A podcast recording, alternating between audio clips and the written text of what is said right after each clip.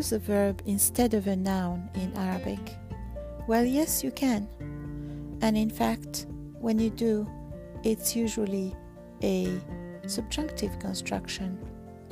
So you can say, for example, As Safar Jamil, traveling is beautiful.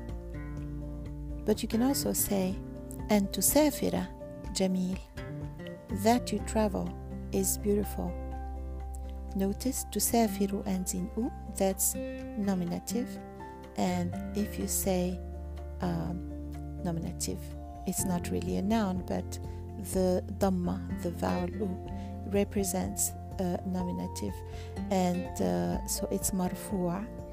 Uh, when you say an tusafira, it changes to mansub, uh, and that's the subjunctive um, marker.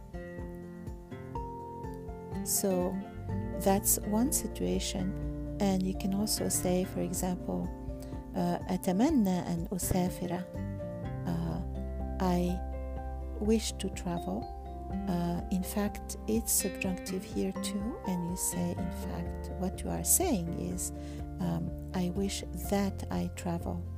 Um, instead of that, you can use a noun and say, أتمنى السفر. If you say it in one breath, you say أتمنى السفر.